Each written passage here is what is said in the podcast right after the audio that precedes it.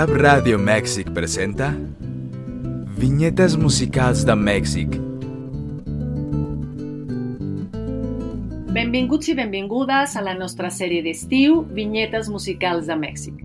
Com cada divendres d'aquesta temporada d'estiu i de música, ens acompaña el mestre Carlos Contreras. Benvingut, Carlos. Hola a todos, enorme gusto continuar con ustedes haciendo lo que más me gusta, hablar de música. L'Andrea Leonardo també hi són com cada divendres d'estiu.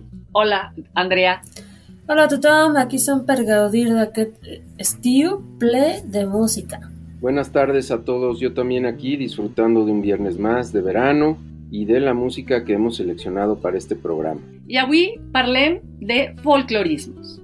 Los momentos más convulsos de Latinoamérica sucedieron entre las décadas de los 50 y los 70. 1955, la masacre de la Plaza de Mayo en Buenos Aires. 1959, el triunfo de la Revolución cubana. 1964, el inicio de la dictadura brasileña. 1965, la invasión de Estados Unidos a Santo Domingo. 1967, la muerte del Che Guevara. 1968, la masacre de Tlatelolco en México.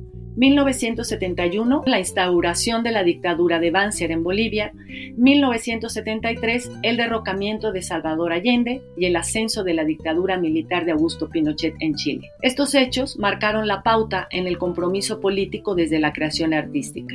Las expresiones musicales adquirían así un carácter antiimperialista al estar fuera del circuito industrial de la música, catalogada como cultura de consumo y promovida por el imperialismo cultural. La canción de protesta de los años 70 tomó conciencia, por su particular naturaleza, de que poseía un enorme poder de comunicación con las masas, en tanto que rompió barreras que, como el analfabetismo, dificultaban el diálogo del artista con el pueblo del cual formaba parte. Y en consecuencia, la canción se convirtió en un arma al servicio de los pueblos, fue justo en esa época de luchas en la que la juventud de la región asumió a la música de protesta latinoamericana como su canto de resistencia ante el autoritarismo gubernamental y el imperialismo estadounidense. Sí, así es, toda esta, esta época que fue pues muy dura para toda nuestra Latinoamérica, sin duda. Creo que aquí el gran, el gran arropo de tanta pues injusticia, dolor, este, desapariciones, todo este ambiente tan, tan, tan, pues tan represivo ¿no? que había en los diferentes países de Latinoamérica. Eh, creo que aquí eh, la labor de la música, del folclore latinoamericano, propiamente dicho, fue como la gran bandera que conjugó a todos, estos, a todos estos artistas a lo largo del continente que desde sus muy particulares este, características en sus culturas, pero que a través de la música fueron una, un portavoz del reclamo de todas la, las sociedades de, de sus respectivos países. En el caso de nuestro país, de México, pues sin lugar a dudas, una de las agrupaciones más importantes en este contexto son el grupo Los Folcloristas. Los Folcloristas, pues es una agrupación que eh, tenían la cara, tienen porque todavía siguen grabando, pero a lo largo de su, de su historia han tenido pues un, un, gran cambio en sus integrantes, ¿no? Han prevalecido por allí, algunos han fallecido, uno de ellos, para, para en mi opinión, su más grande referente, René Villanueva, ¿no? Que era como el gran líder de la Sí. agrupación. Eh, Un, un- un- un- todo un musicólogo tremendo de todo, no nada más la música tradicional de México, sino de toda Latinoamérica. Creo que esta es una de las eh, características que, que, resalta en los folcloristas, porque así como hicieron eh, un análisis de toda la música folclórica mexicana, lo hicieron de la misma manera con toda Latinoamérica, ¿no? Entonces, en Sí, este además ellos, ellos fundaron la Peña de los Folcloristas, ¿no? Y durante, bueno, el, tiempo que activo de la Peña, pues fue un centro muy importante de enseñanza y de difusión de la música latinoamérica en México y también pues toda esa generación de, espacios, ¿no? Como tal como lo mencionas, las peñas, ¿no? Que la Peña Gallos, me recuerdo, pues, pues tantas, ¿no? Ahí en, la del Valle también había varias peñas y este en Coyoacán. El sapo cancionero. El sapo cancionero, sí, sí. Y bueno, espacios donde todo este, este género, los artistas que, que tocaban esta, estos géneros musicales, pues obviamente era el espacio. Y algo que sí quiero destacar es esto de a partir del folclore fue como la bandera que eh, dentro de la que se incrustaron muchos compositores que propiamente se les llamó la canción de protesta, ¿no? Todo estaba íntimamente ligada, ¿no? La, la, la, música folclórica de Latinoamérica y, bueno, en este caso de México, con, con los cantantes este, que, que que estaban, pues sí, digamos, inmersos en este como, como calificativo, ¿no? De canción de protesta. Y bueno, sin lugar a dudas, en toda la discografía de, de los folcloristas, pues hay este, este reflejo de, de crítica, generar conciencia a través de la música, que aparte, dicho sea de paso, pues no estaba en, el, en los medios, ¿no? Era era pues en los espacios universitarios, en los festivales, eh, que tenían pues mucha carga política, ¿no? En, varias instancias educativas, en varios espacios de la cultura pues alternativos, ¿no? Era donde se, se difundía mucho este, estos géneros, ¿no? Y a, partir de esto, bueno, pues, ¿qué les parece si iniciamos con la música, que es lo que nos ocupa, ¿no? Que eh, podamos compartir y una, una pieza súper emblemática de, que grabó, que hizo popular eh, el grupo Los Folcloristas, Tierra Mestiza. Tiene una gran introducción en esta oportunidad, la, la versión que vamos a escuchar. La pieza originalmente es de, del maestro Tamés, de Gerardo Tamés. Es una pieza que tiene el realce de varios instrumentos ahí en el arreglo musical, en la composición. Entonces, ¿qué les parece si iniciamos con esta pieza, Tierra Mestiza, de Gerardo Tamés, en la interpretación de los folcloristas?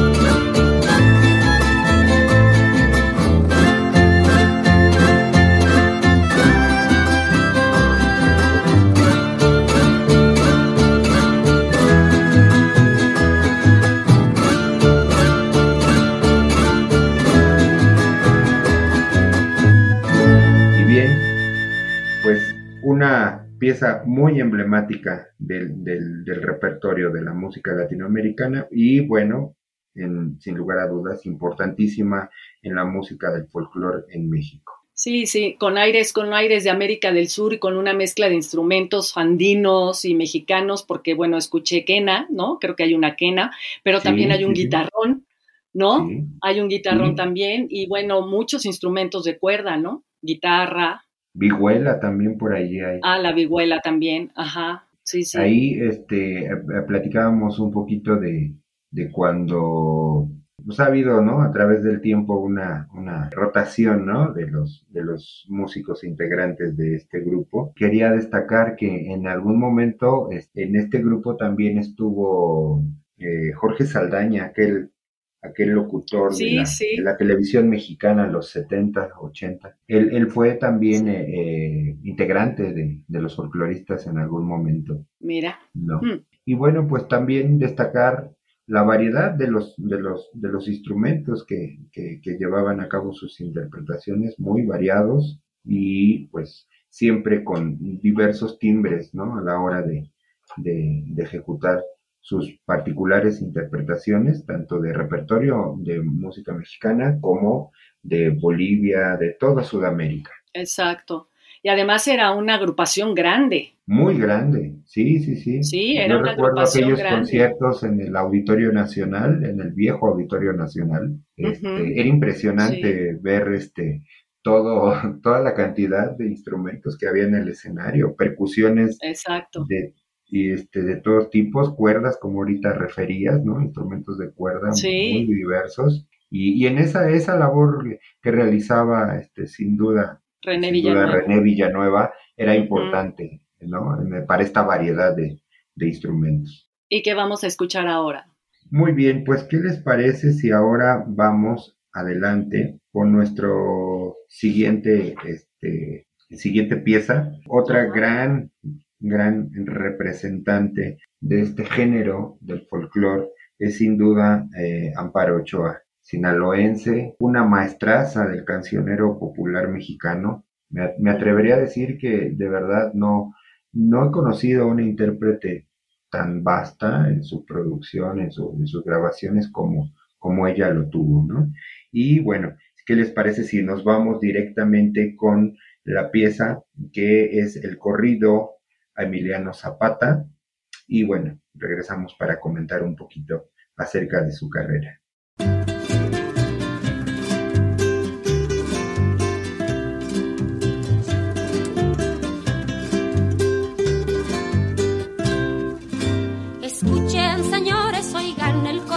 de un triste acontecimiento. Pues en Chinameca fue muerto a mansalva Abril de 1919 en la memoria quedarás del campesino como una mancha en la historia. Campanas de Villayala, porque tocan tan doliente es que ya murió Zapata y era Zapata un valiente. El buen Emiliano que amaba a los pobres quiso darles libertad. Por eso los indios de todos los pueblos con él fueron a luchar. De Cuautla hasta Meca, Meca, Matamoros y el Ajusco. Con los pelones del viejo don Porfirio se dio gusto trinitaria de los campos, de Las Vegas de Morelos. Si preguntan por Zapata, di que ya se fue a los cielos.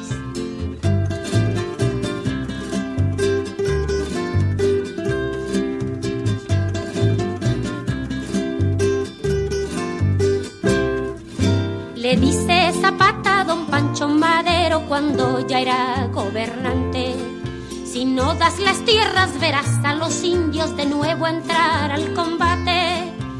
Se enfrentó el señor Madero contra Huerta y a Carranza, pues no le querían cumplir su plan, que era el plan de Ayala. Corre, corre, conejito, cuéntales a tus hermanos. Ya murió el señor Zapata, el coco de los tiranos. Don Pablo González ordena a Guajardo que le finja un rendimiento y al jefe Zapata disparan sus armas al llegar al campamento. Guajardo dice a Zapata, me le rindo con mi tropa. En China me calo, espero tomaremos una copa. Arroyito revoltoso, ¿qué te dijo aquel clavel? Dice que no ha muerto el jefe, que Zapata de volver.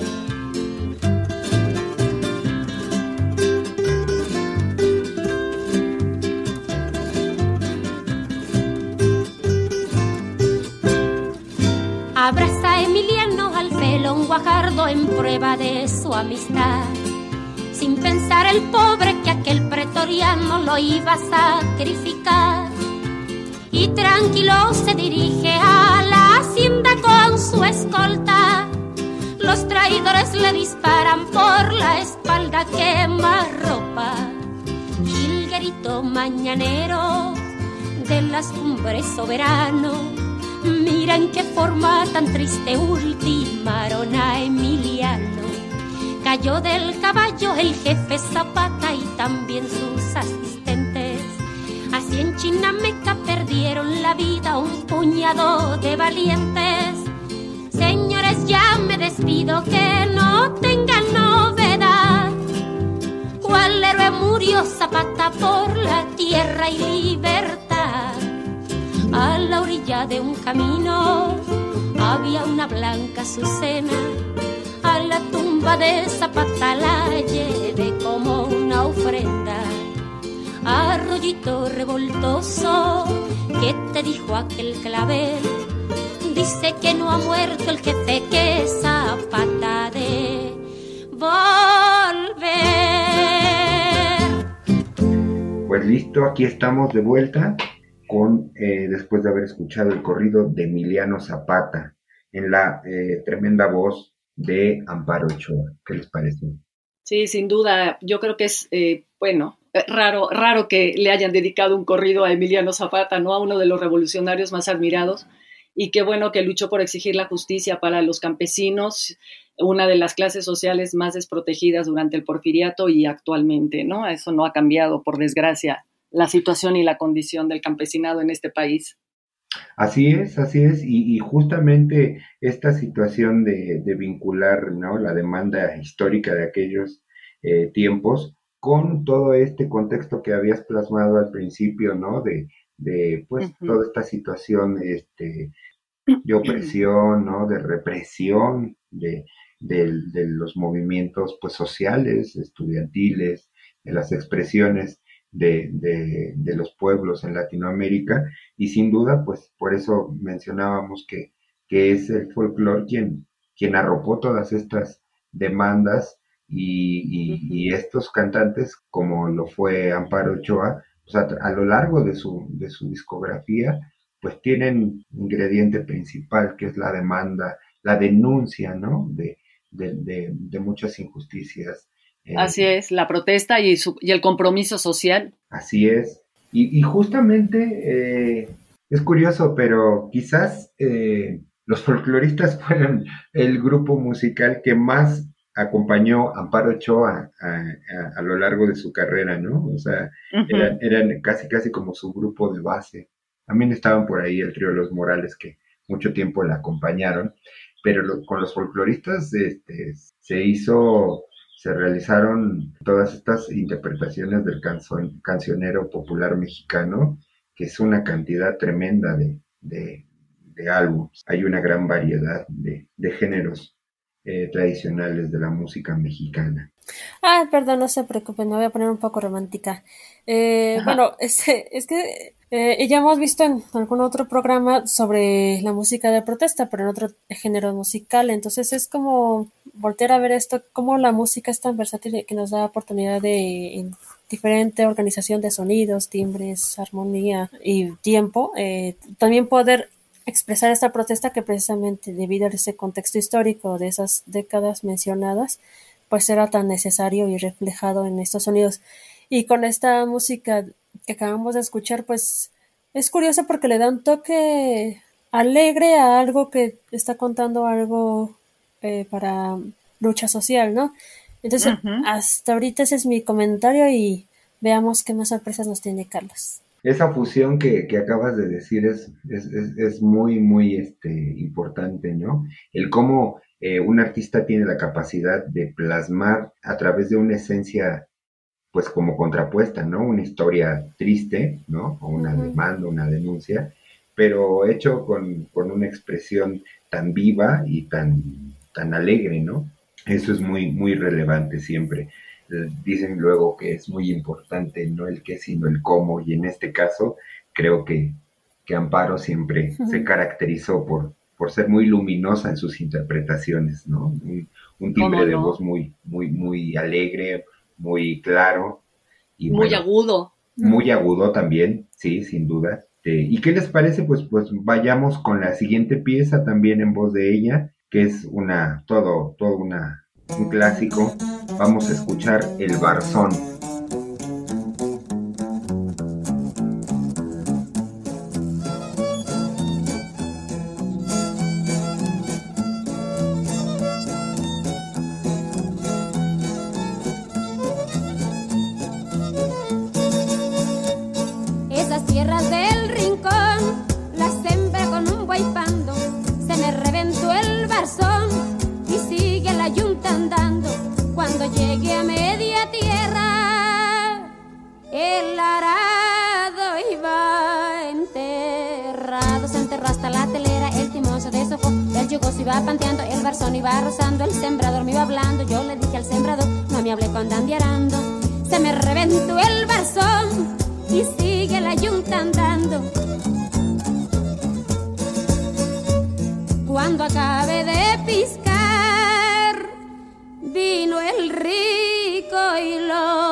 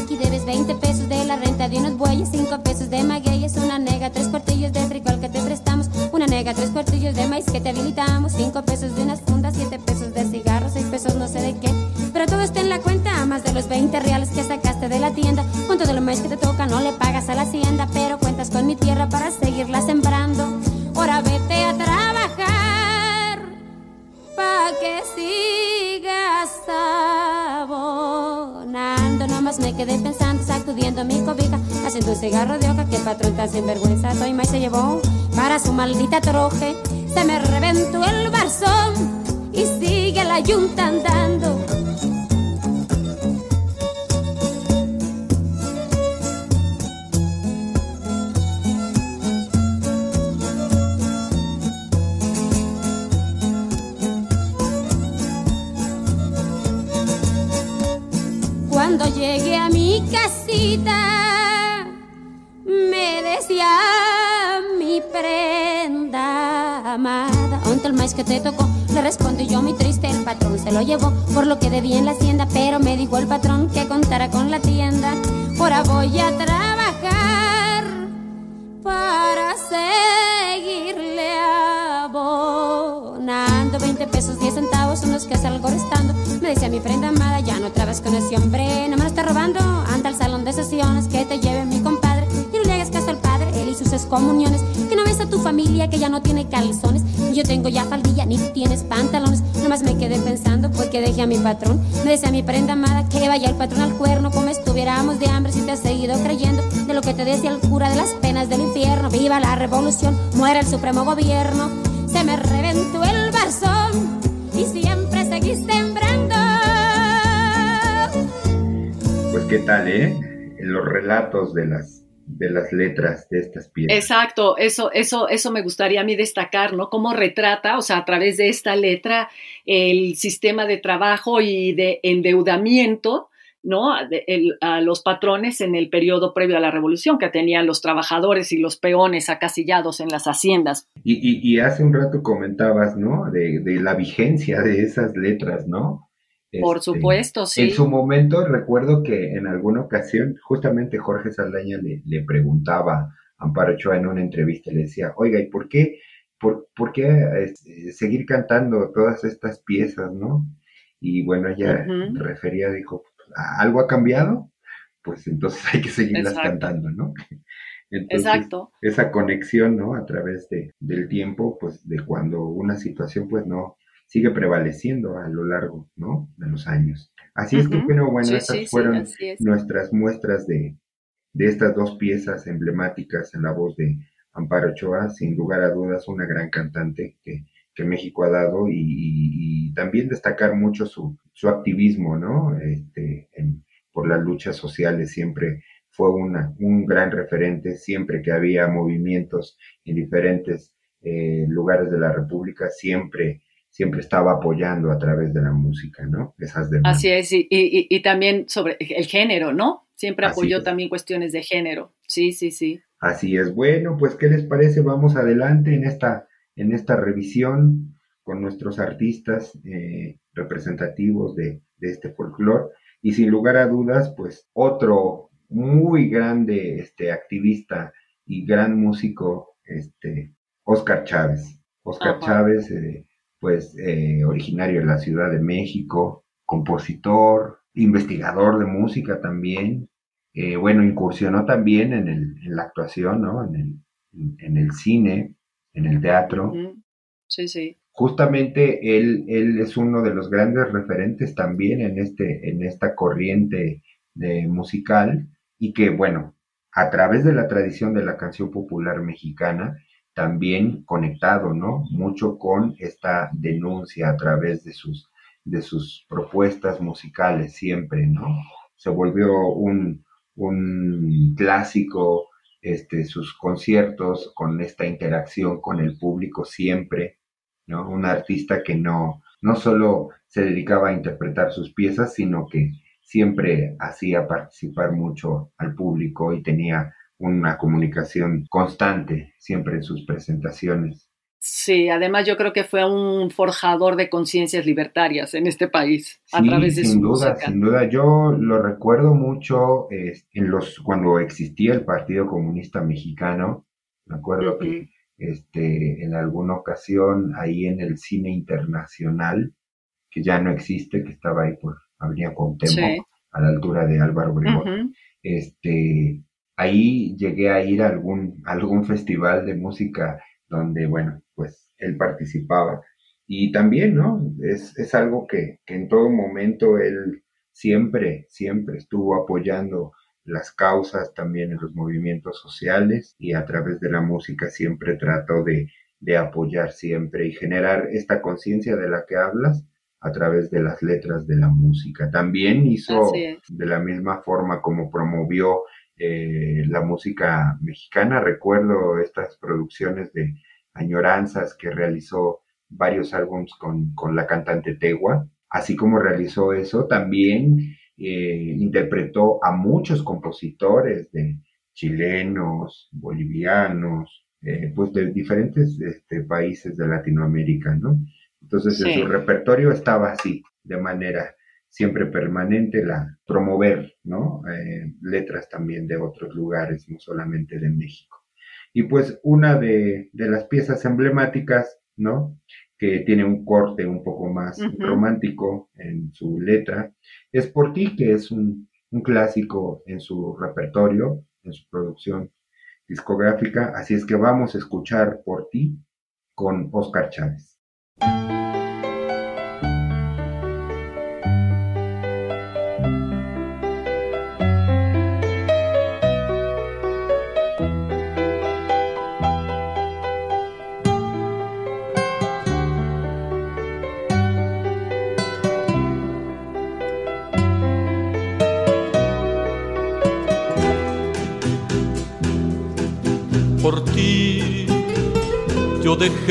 De pensar en el mar. Por ti yo dejé de fijarme en el cielo. Por ti me ha dado por llorar como el mar. Me he puesto a sollozar como el cielo. Me ha dado por llorar. Por ti la ternura se niega conmigo. Por ti la amargura me sigue y la sigo. Por ti celos, se vuelven contra mí mis anhelos, se vuelven contra mí. Por ti la vida se me ha vuelto un infierno. Por ti estoy muerto de amor tan enfermo. Por ti se han vuelto llaga el sol y el dolor, se han vuelto mal la flor y el amor, se ha vuelto mal la flor. Por ti el mar es la locura del cielo. Por ti el llanto es una llaga de celos. Por ti el dolor es el sol sin la flor el infierno es amor tan eterno, el infierno es amor. Por ti, por ti, por ti.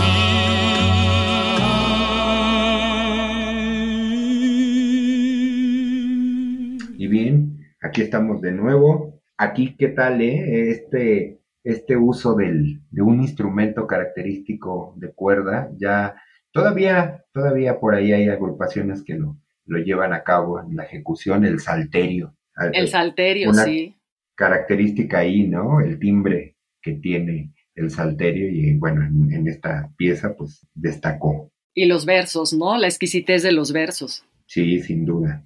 Sin duda una gran, gran interpretación, una gran pieza. Bueno, en esto... Leonardo tiene por ahí un comentario. Perdón, Carlos, Leonardo tiene un comentario. La verdad es que me llama la atención que justo con este movimiento, como también hay espacio para una canción tan sentida como esta, ¿no? Sí, así es. La, la expresión siempre variada, ¿no? Variada de la música y de los textos sobre todo, siempre interesantes. Y así en esta variedad, pues nos encontramos también pues este relato que vamos a escuchar, que es este el corrido de Juan Nepomuceno, ¿no? También en la voz de, de Oscar Chávez, que bueno, pues este retrato también, ¿no? Miriam, de las, de las historias. Sí, esta, eh, bueno, Juan Nepomuceno, que aquí aparece como Juan Cortina, ¿cierto? Ajá, así es. Es un, que era un ranchero, un militar, un luchador social, y, eh, un héroe popular que puso en jaque a los, eh, a los gringos o a los estadounidenses, ¿no? Con sus redadas en busca, pues, de lograr la justicia ante los tratados de Guadalupe Hidalgo, ¿no? A mí, a mí me llama la atención cómo estos personajes han sido tan olvidados de nuestra historia. No sé si por el oficialismo o qué, pero pues, es, un, es un personaje relevante y que se resistía a que los norteamericanos se quedaran con Texas, ¿no? Sí, así es. Sí, pues la sí, le llamaron incluso el Robin Hood de Río Grande. Exactamente, es lo que iba a decir. Le llamaban el Robin Hood, sí. Sí, sí, sí, y pues esta, esta situación de siempre el contexto, a través de la música, del contexto histórico, ¿no? Pues obviamente la música siempre es un retrato de momentos, ¿no? Y pues qué, qué mejor ejemplo que esta pieza, ¿no? Entonces, ¿qué les parece si vamos a escucharla para que sigamos comentando? Vamos con Juan Nepomuceno en la voz de Oscar.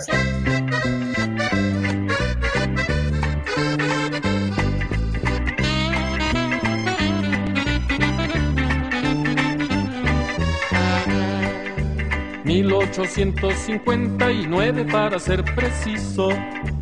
Por andar vendiendo ajeno se agarraron bien macizo. Disque muy serio tratado de Guadalupe Hidalgo y la tierra se han robado. México sufre un despojo y dijo Juan Cortina, ahorita yo me enojo. Más allá del río Bravo, gringos contra mexicanos. Leyes y tratados sirven solo a los americanos. Cortina es de Tamaulipas y paga las ofensas con balas en las tripas. Los güeros ya no le gustan, la fama se le pega, lo miran y se asustan.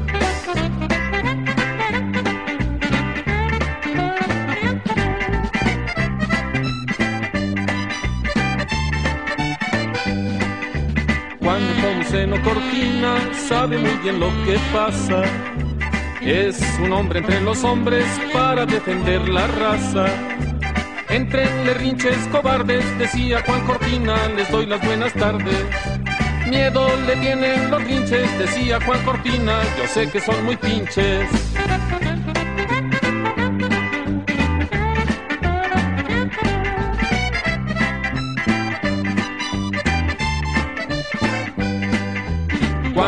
Sangre derramada para defender la tierra. Si no saben respetarnos, vámonos a darles guerra. Trinches de todo el estado, decía Juan Cortina, se roban el ganado.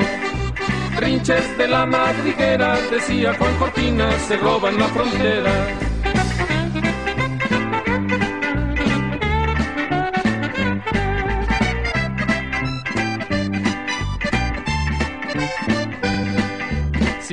Que soy un bandido por defender mi raza, las pruebas yo les pido. Juan Nepomuceno Cortina sacó para los gringos pistola y carabina. Que viva Juan Nepomuceno, que trae para los gringos pistola y doble freno. Que viva Juan Nepomuceno, que trae para los gringos pistola y doble freno. Que viva Juan Nepomuceno, que trae para los gringos. Pues qué tal, ¿eh? Esos rasgueos, esas rítmicas también vivas de vaivén. Es como un corrido, ¿no? Sí, sí. Sí, sí, sin duda, es un corrido. Es un corrido. Y la, Sí, su, su, parte, su, su particular manera de, no sé, de, de retratar, ¿no? Eh, estas estampas de la historia con un lenguaje popular, cercano, Exacto. sencillo, ¿no? sí, inmediato, ¿no? Exacto. Tan inmediato. Y también las características ahí, este, musicales, ¿no? Que reflejan estas, este, estos estilos del norte de México, ¿no?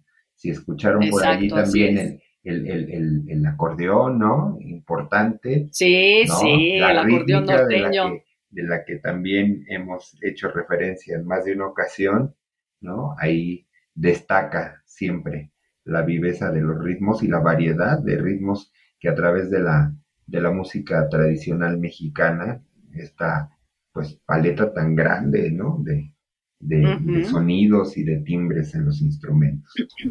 Así es que bueno, vamos a dar paso ahora un poco a hacer la conexión con, con la cuestión de un de, de otro gran artista que también siempre a través de sus composiciones, de sus letras, de su música, pues retrató la cotidianidad de, de México, de la ciudad, y también esta fusión de, de la música y las letras, pero como retrato de, de lo que pasaba en la sociedad mexicana.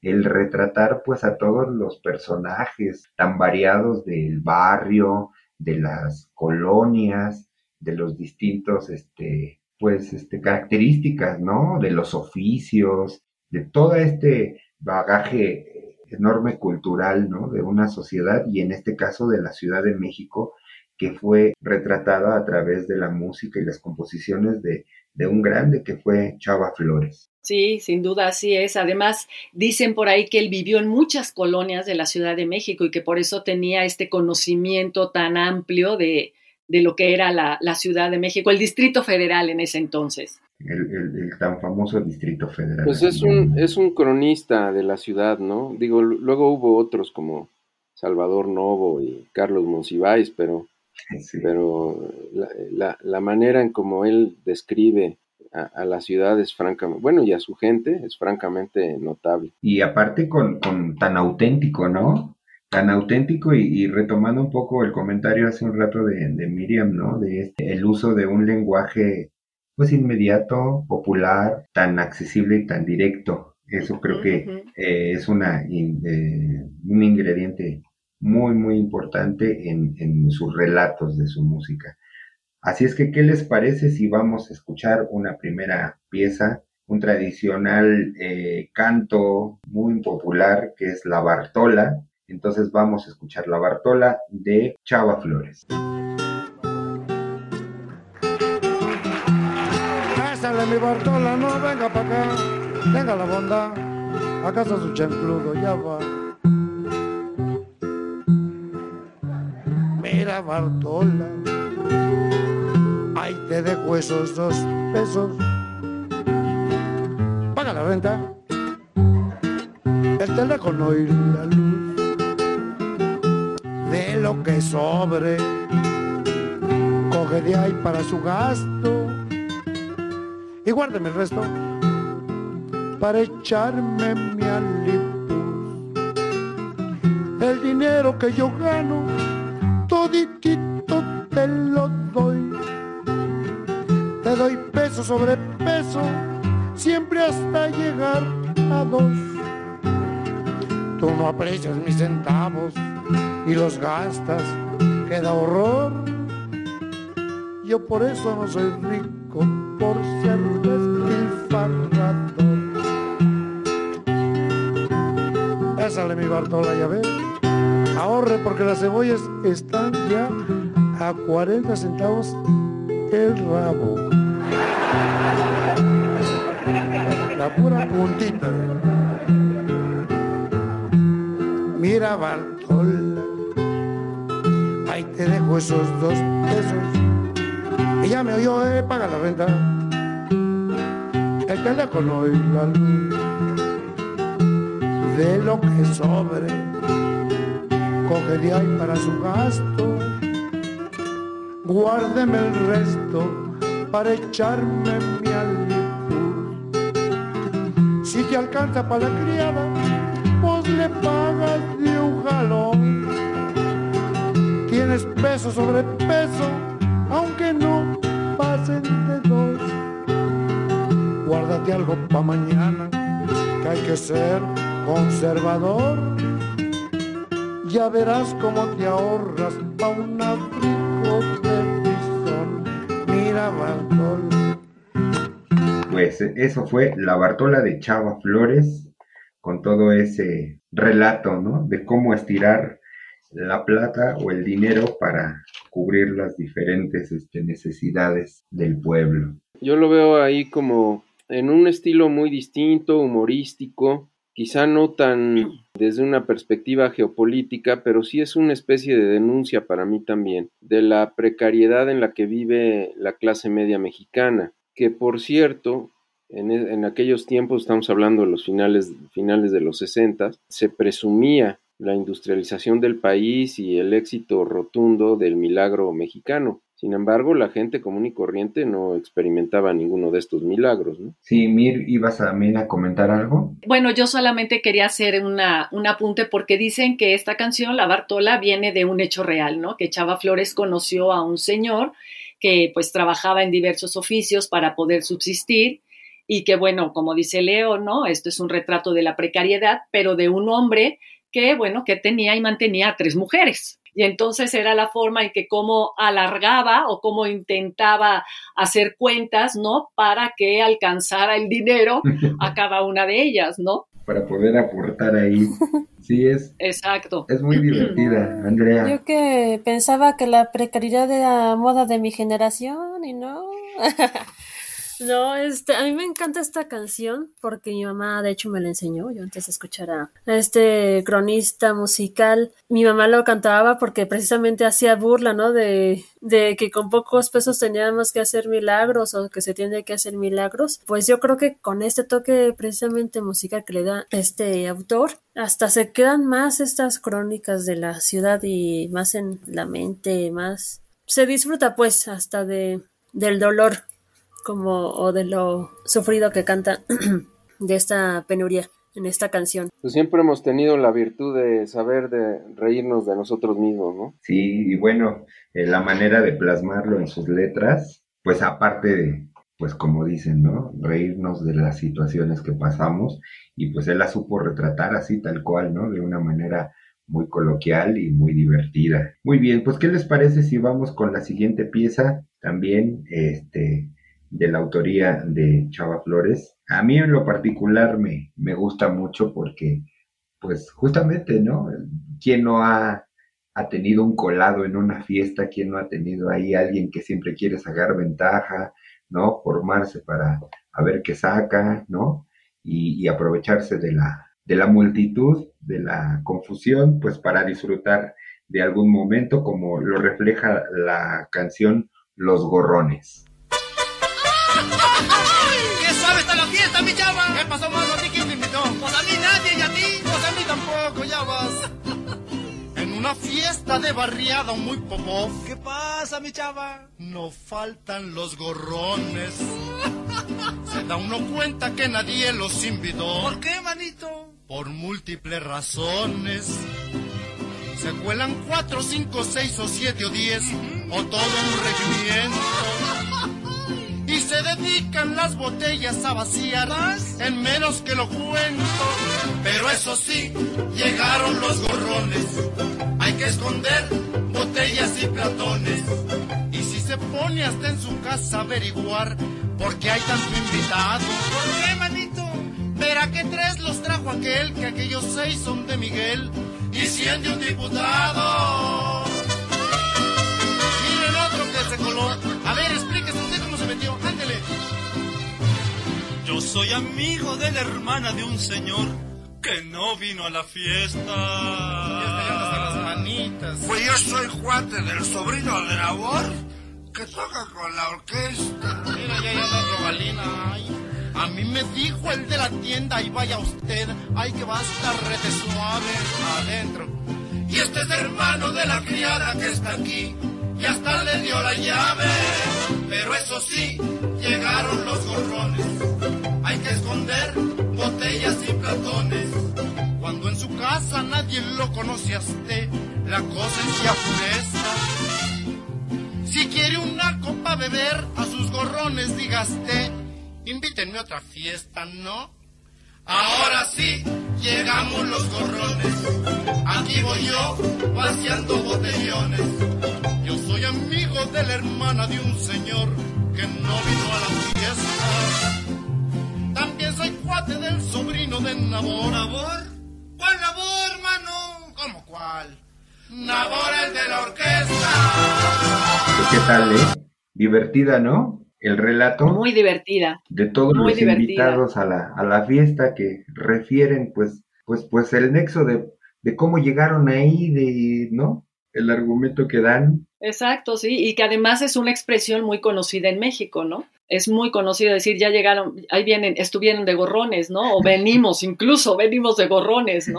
sí, sí, así es. Entonces, pues, pues esto, esta manera de, de, de cómo, de manera tan divertida, ¿no? Y aparte se me hace tan original el uso de los, de los, de los acentos de las rítmicas que tienen sus composiciones, que, que en todo momento tienen también Sí. esa alegría, ¿no? Y esa jocosidad en la música que te hace, pues, estar con atención y con, con mucha, este, con mucha, pues sí, eh, atención, ¿no? Al relato. Sí, sí, es una mezcla de, de es una, son sátiras, son como una especie de sátiras, ¿no? En donde mezcla esta parte cómica, esta parte de comedia, con hechos que francamente son a veces terribles, ¿no? No en este caso de los gorrones, porque bueno, es otra situación, pero sí retrata, bueno, hechos complicados, ¿no? Y también yo quería destacar que este, en más de, de un par de ocasiones sí recuerdo a- haber visto a Chava Flores en algún par de festivales así, un poquito, no, él no sé, no, no asumía así, bueno, yo no recuerdo que asumiera así como una postura mm, política así como muy, mm, de muy activa, pues, ¿no? Pero sí recuerdo un par de Ajá. ocasiones haberlo visto en, en festivales. Bueno, vamos que el tema central era un poco la política y, ¿no? y la denuncia de, de situaciones. Ajá. Y este, y sí recuerdo que haber como percibido, ¿no? Ese, ese, un poco ese ambiente en, en- su, en su actitud, pues, a la hora de interpretar sus canciones, ¿no? Era como irreverente. Sí, a él, a él alguna vez le preguntaron si, sí, a él alguna vez le preguntaron también si su música era de protesta y dijo que bueno, que a través de la música se podían decir muchas cosas y que la música lo que sí sería siempre era una, sería una memoria histórica, ¿no? Pero que nunca, nunca se iba a poder hacer una revolución o una guerra con una canción. Pues, ¿qué les parece si nos vamos también con otra pieza, una más, del querido Chava Flores, que es pues un clásico también de su repertorio, pues que describe esto, esta cotidianidad, ¿no? De un sábado en el Distrito Federal, hoy Ciudad de México, y pues vamos a escuchar Sábado Distrito Federal. Sábado Distrito Federal. Sábado Distrito Federal.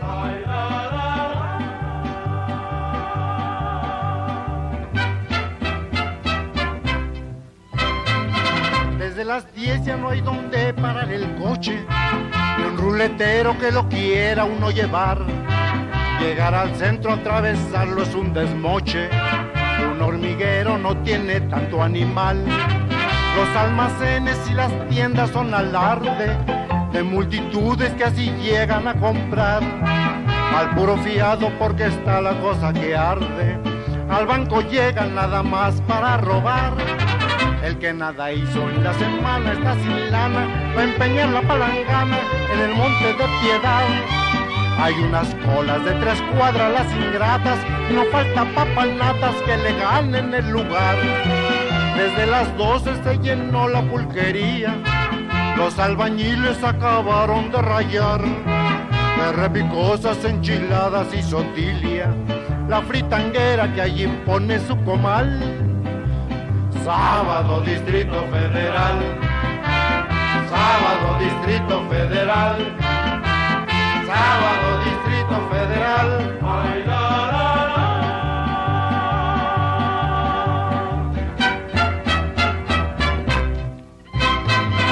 La burocracia va a las dos a la cantina, todos los cohetes siempre empiezan a las dos. Los potentados salen ya con su charchina pa' Cuernavaca, pa' Palo Alto, qué sé yo. Toda la tarde pa'l café se van los vagos, otros al pócar, al billar o al dominó. Ahí el desfalco va iniciando sus estragos y la familia muy bien gracias no comió. Los cabaretes en las noches tienen pistas atascadas de turistas y de la alta sociedad pagan sus cuentas con un cheque de rebote. Hoy te dejo el relojote, luego lo vendría a sacar. Van a los caldos eso de la madrugada, los que por suerte se escaparon de la vial. Trío les canta en Garibaldi donde acaban, ricos y pobres del Distrito Federal. Así es un sábado Distrito Federal, sábado Distrito Federal. Sábado Distrito Federal.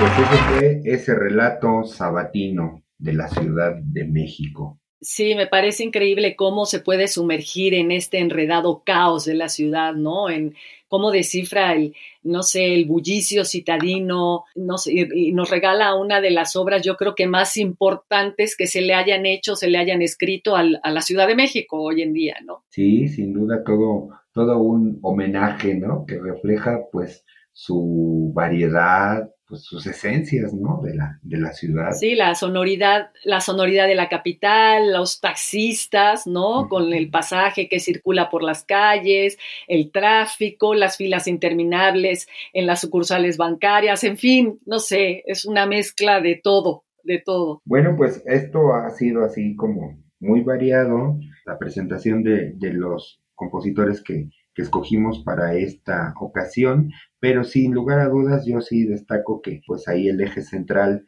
es, era la denuncia, ¿no? Independientemente de los estilos particulares de cada uno de los intérpretes que en esta oportunidad escuchamos, pero finalmente sí, como, como lo mencionábamos al principio, creo que este folclore arropó mucho, mucho, mucho la denuncia de quizás otras formas musicales que fueron más consideradas así referentes como la canción de protesta, pero vamos, este, estaban implícitas en, en, la actitud, en la, en la crítica de estos artistas en su momento, en, de cada uno, ¿no? Pues muchas gracias, Carlos. Gràcies, Andrea, gràcies, Leonardo, i no deixeu d'escoltar-nos cada divendres durant aquesta temporada d'estiu a Vinyetes Musicals de Mèxic. Fins la propera.